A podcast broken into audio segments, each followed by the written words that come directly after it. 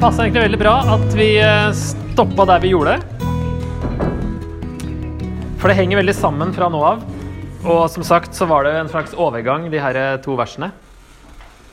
Til eh, når liksom Eller det som kanskje skjer òg, er jo den her digresjonen da, som kommer nå fra vers 18, som, som uh, forklarer litt det han akkurat har sagt. Men i hvert fall så var det et greit sted da, å, å stoppe. Uh, mange for videre også, som dere ser her. Eh, som sagt, ikke alltid alle er med i denne. Men han går videre. Ikke som Vi så på de fire her i stad. Ønsker å forkynne evangeliet hos flere Roma. For Altså, Jeg ønsker å forkynne fordi jeg skammer meg ikke over evangeliet. Hvorfor ikke? Fordi det er Guds kraft til frelse for hver den som tror. Hvordan da? Jo, for i, Guds, i det åpenbares Guds rettferdighet av tro til tro, slik det står skrevet. Den rettferdige skal leve ved tro. Ok, Og så går vi videre at kanskje neste 'for' i vers 18 svarer kanskje på to spørsmål fra vers 17. Hvorfor har Gud åpenbart sin rettferdighet? Og hvordan og hvorfor kan man få den gjennom tro? Der. um, alle disse foran er ikke med i 2011? Nei, ikke alle er med her, nei. Men de står der egentlig. Eh, som viser at, at, argumentet henger sammen hele veien. Så da svarer han eh, Altså, hvorfor har Gud åpenbart sin rettferdighet? Her fra 17. Jo, fordi Guds vrede åpenbares fra himmelen over all ugudelighet og urett hos mennesker som holder sannheten nede i urett. Evangeliet eksisterer fordi Guds vrede eksisterer. Evangeliet er ikke for at du skal få en god følelse i magen, men for å redde oss fra dommen. Og ugudelighet og urett kan vi se, se på som mot, det motsatte av å elske Gud og elske sin neste. Oppsummerer da det motsatte her. Alt det som ikke er en oppfyllelse av loven. ikke sant? Elske Gud og elske sin neste. Det er ugudelighet og urett mot eh, hverandre. Og så hvor, hvordan og hvorfor kan man få dette ved tro? Og da innledes liksom hele det argumentet som starter i, i vers 18. Så hvorfor åpenbares Guds vrede? Eh, hvordan holder mennesker sannheten nede i urett? Det svarer han videre på at jo, alt man kan vite om Gud, ligger åpent foran dem. Ja, hvordan da? Jo, for Gud har selv lagt det åpent fram. Ok, hvordan da? For hans usynlige vesen, både hans evige kraft og hans guddommelighet, har de fra verdens skapelse av kunnet se og erkjenne av hans gjerninger, slik at de ikke har noen unnskyldning. Hvorfor ikke? For de kjente Gud, men likevel lovpriste og takket de ham ikke som Gud. La oss bruke litt tid på disse versene. Eh, ta noen minutter eh, for dere sjøl eller to og to. Og så prøve om de kan i hvert fall svare på de fleste av de her. Den første er ganske konkret. Ja, egentlig Det er observasjonsspørsmål, så det skal være mulig å finne de fra teksten. alle sammen, Men det er, det er ikke så det er ikke alltid Den siste er kanskje vanskeligst, da. Eh, vi kan lese videre, da, for nå leste vi bare til eh, 20. Eh, Eller 21, skal vi se. Derfor, ja. De kjente Gud, vers 21, men likevel lovpriste og takket de ham ikke som Gud. Med sine tanker endte de i tomhet, og deres uforstandige hjerter ble formørket. De påsto at de var kloke, men de endte i dårskap. De byttet ut den uforgjengelige Guds herlighet med bilder av forgjengelige mennesker, fugler, firbeinte dyr og krypdyr. De fulgte sitt hjertes lyster, derfor overga Gud dem til urenhet, slik at de vanæret kroppen sin med hverandre. Og så fortsetter han litt på det, men vi kan holde oss til 18 til 24. Så ta litt sånn uh, Kikk nærmere på de, og se om du kan svare på de spørsmålene her. Som altså er observasjon. Du finner svarene i teksten. Selv om som sagt den siste kan være vanskeligst. Ok. Skal vi snakke om det her uh, i fellesskap? Hva var de fire tingene som alle mennesker kan vite om Gud?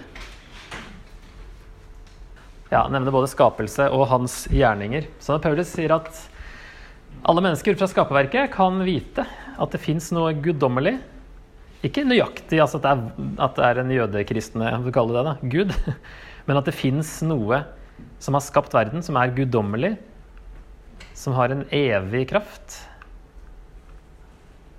Og hva var det første du sa? Usynlig, naturlig nok.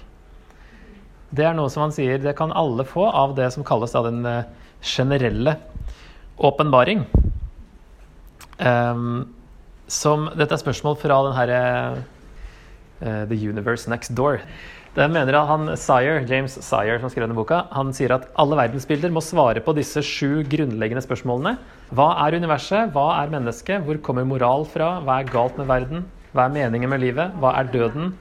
Og hvordan er det mulig å vite noe som helst i det hele tatt? Så det her er jo egentlig noe av det samme som det Paulus sier. Altså, alle kan vi, altså De spørsmålene her da, er ting vi får fra skaperverket, fra oss sjøl. Vi har moral. Hvor har vi den fra? Hva skjer etter døden? Altså Alt sånne ting som skaperverket får oss til å stille oss de spørsmålene. Og Derfor eh, kan det også kalles da, det som kalles denne den generelle oppmaring, og så er evangeliet da, den spesielle oppmaring, som, som svarer på dette her. Men det er generelt for alle mennesker. Gud har åpenbart seg generelt i skaperverket for alle mennesker. Og Derfor kan vi kalle det her også for Guds spørsmål til alle mennesker. Som Paulus sier at det her vet egentlig alle. At de spørsmålene her skal lede deg til å tro at det fins en gud. Men så holder mennesker sannheten nede i urett, sier Paulus. Derfor kommer Guds vrede. At de begynte å tilbe noe annet Nå svarer jeg vel sikkert på de neste spørsmålene. Begynte å tilbe noe annet i stedet for Gud, som alle hadde kunnskap om, egentlig. Jeg synes helt klart, altså Det er en grunn til at jeg tror at det svarer jo best på de spørsmålene her. Altså, De har ingen unnskyldning fordi alle, alle mennesker, da, eller de som ikke tror eller søker Gud, ut fra skaperverket og det alle kan vite om Gud Når de ignorerer dette her, da, og holder sannheten nede i urett, derfor har de ikke noen unnskyldning. Um, og Guds frede Nei, ja, treeren, ja. Guds frede kommer da fordi fordi de gjør det. Fordi de ignorerer dette her. Holder sannheten nede. De vet egentlig, men velger um, å tilbe det skapte istedenfor skaperen, som det står i vers 23. Eller byttet ut den uforgjengelige Guds herlighet med bilder av forgjengelige mennesker, fugler, firbente dyr og krypdyr. Og så står det i vers 25 eh, de byttet ut Guds sannhet med løgn og tilba og dyrket det skapte i stedet for skaperen, han som er velsignet i evighet. Amen. Kunne sikkert tatt med vers 25 og fått en amen på slutten. um, de bytta ut Gud, da. Alle kunne vite at Gud finnes, og han er den man burde tilbe. Og så har man holdt den sannheten nede, bytta ut Gud med noe annet. På Paulus tid var det mest andre avguder, men eh, for oss er det sikkert andre ting som, verden, som mennesker i verden i dag har bytta ut Gud med. Og sammenhengen mellom Guds vrede og moralsk forfall, altså det her med at uh, I vers 24 spesielt her, da. De fulgte sitt hjertes lyster. Derfor overga Gud dem til urenhet, slik at de vanæret kroppen sin med hverandre. Så er det at For å svare på det, da. Det er kanskje vanskelig å se helheten i argumentet, men det er jo den avgudsdyrkelsen, det at man bytter ut Gud med noe annet, som gjør at Guds vrede kommer som vi har sett her. 1, 2, 3, 4, nei, 1, 2 og 3. Og så er det på en måte det moralske forfallet og urenheten og sånt, det kommer etterpå som et resultat, fordi Gud gir dem bare over til det valget de har tatt. Da blir det ille. Da blir det synd på synd på synd. Og Gud Det er tre ganger her, tror jeg, at det står at vers 28 altså, de brydde seg ikke om å kjenne Gud. Derfor overga Gud dem til en sviktende dømmekraft, så de gjør slikt som ikke sømmer seg. Så det er, det er, ikke synden her i argumentet. det er ikke synd, altså Avgudsdyrkelse er selvfølgelig en synd. Men det er ikke alle all de andre syndene som gjør at Guds vrede kommer. Det er den grunnsynden. Det at man tilber noe annet. Eller holder sannheten om Gud nede, sånn at ingen har noen unnskyldning. Men det er altså Guds vrede som fører til at forfallet kommer. Det er liksom interessant å se at det ikke er motsatt. At det ikke er dårlig moral som gjør at eh, Guds vrede kommer. Men ondskapen i verden er jo egentlig da et resultat av at menneskene ikke brydde seg om Gud og tilba andre ting. Bytta ut Gud med løgn. Brydde seg ikke om å kjenne Gud, sier Paulus. Sånn at Gud overga dem. Det skal vi snakke om litt etterpå. Hvorfor og hva betyr det? Men til en sviktende dømmekraft som gjorde at de syndet. Så synden, eh, eller alt det her, da, gjør jo at man har en sviktende dømmekraft som menneske. Synden ødelegger tankegangen. Vi klarer ikke å tenke helt rett fordi synd ødelegger. Vi har en sviktende dømmekraft som blir jo retta opp igjen. Eh, Paulus bruker det motsatte ordet, kapittel 12, tror jeg, som på en måte henter opp igjen det her med, med den sviktende dømmekraften. At evangeliet får oss til å tenke rett. Men alle mennesker har egentlig litt sånn ødelagt tankegang. Det kan vi lett se i verden. At man ikke alltid tar de rette valgene. Ok, Jeg har noen veldig interessante sitater, så jeg tar noen av de nå før eh, pausen. En filosof som heter Jacob Needleman, som har, jeg tror ikke han er kristen, men han skrev en bok som heter Why Can't We Be Good? Og han har et her fra Edens hage. da. Hvorfor klarer vi ikke å være gode mennesker?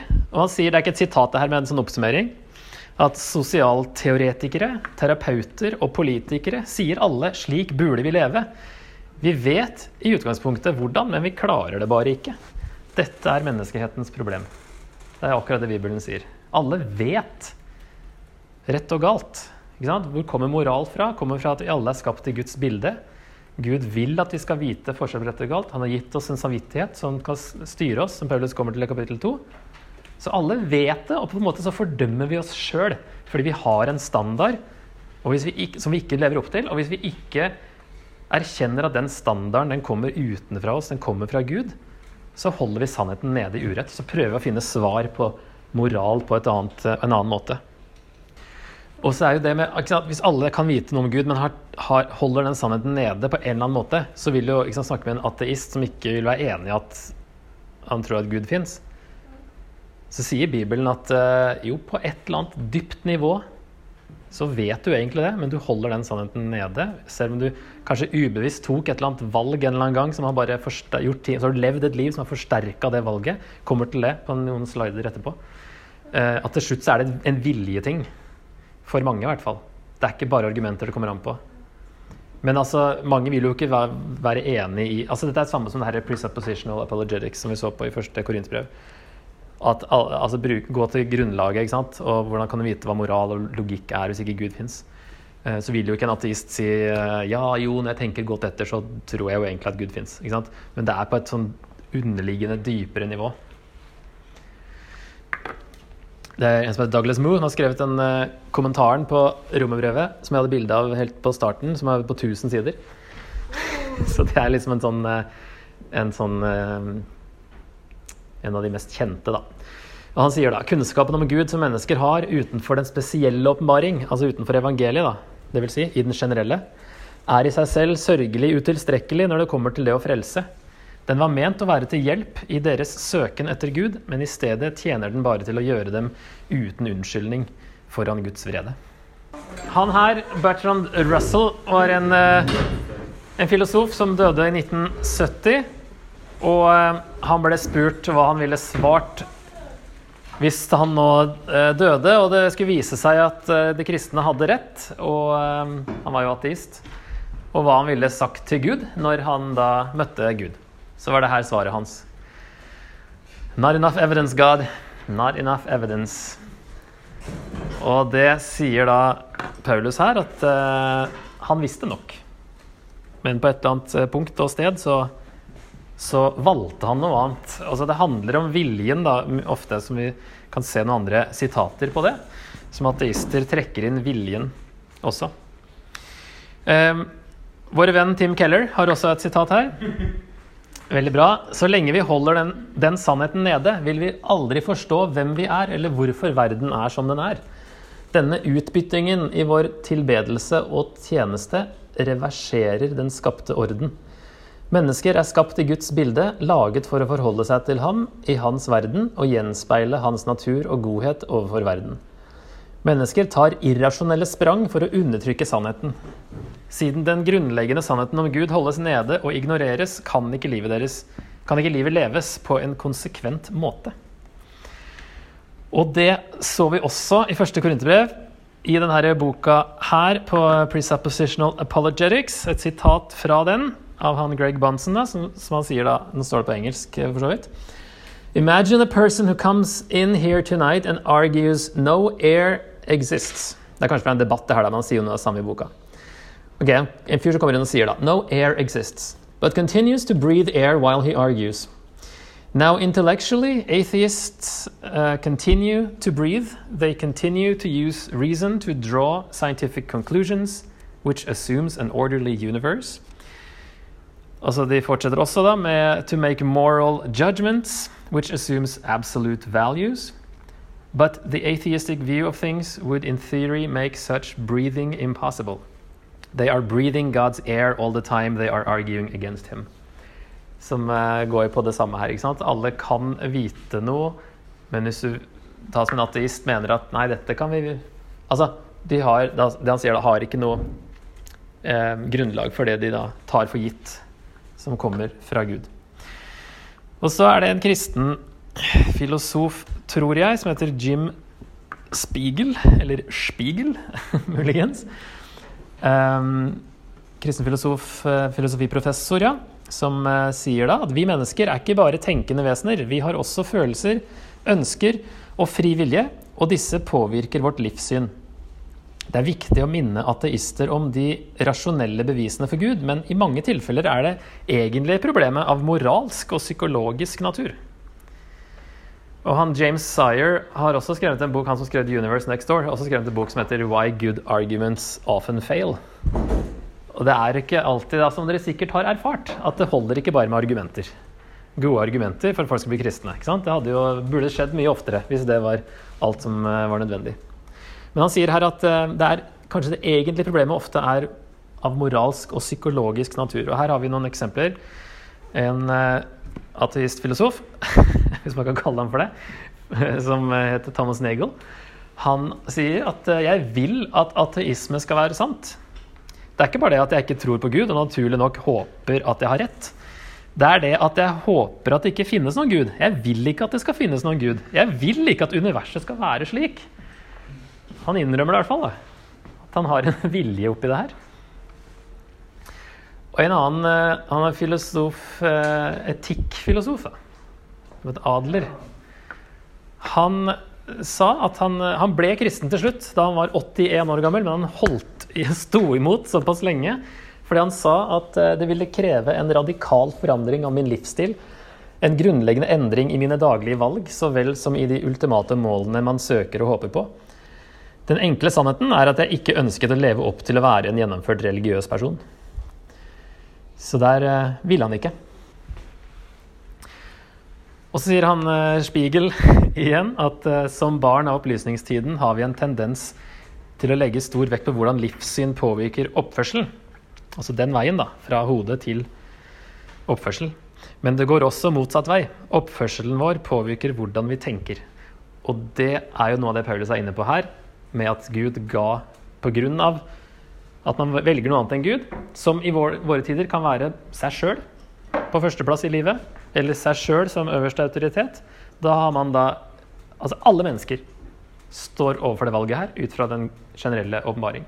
Alle velger Gud eller noe annet. Og da, for oss er det kanskje, eller i vår kultur er det kanskje seg sjøl man velger. Um, og så fører det til dette moralske forfallet som fører til at det, at det, blir synd på synd. Som gjør at det blir vanskeligere og vanskeligere å tenke rett, fordi synden påvirker hvordan vi tenker. Vi blir vant til å gjøre det på den måten, og så blir vi Samvittigheten vår kanskje blir, som Paulus snakker om, at den blir avslipt. Og det er jo sånn man kjenner til. Liksom, altså, noe som du først føler dårlig samvittighet for. Hvis du gjør det nok ganger, så kjenner du ikke den dårlige samvittigheten lenger. Um, og at du da går imot samvittigheten som Gud har gitt alle mennesker. Eh, for å oppsummere det her da, fra 18 til 32, så er det kalle et kontinuerlig syndefall. Ikke sant? Det er noe at, ja, én ting skjedde i Første Mosebok 3, men alle mennesker tar dette valget. ikke sant? Gud eller ikke Gud. Det gjentas i hver generasjon av hvert individ. Så her har vi at Gud gir dem over, mens i Efeserbrevet så har vi at menneskene ga seg over. Så det er en sånn dobbel eh, si, to sider av saken her òg. Den menneskelige siden beskrives da i Efeserne 4. Eh, deres tanker er tomhet, deres forstand formørket. Mye av det samme språket. De er fremmede for livet i Gud pga. uvitenheten som er i dem, pga. deres hjerters hardhet. Der er det opprinnelige problemet er at hjertets hardhet, at de har holdt sannheten nede i urett. Og det fører til alt det andre her. Bakover, motsatt vei. Avstumpet er de blitt. De har gitt seg over til et utsvevende liv. De er urene og grådige i alt de gjør. Men der har vi da at menneskene har gitt seg over.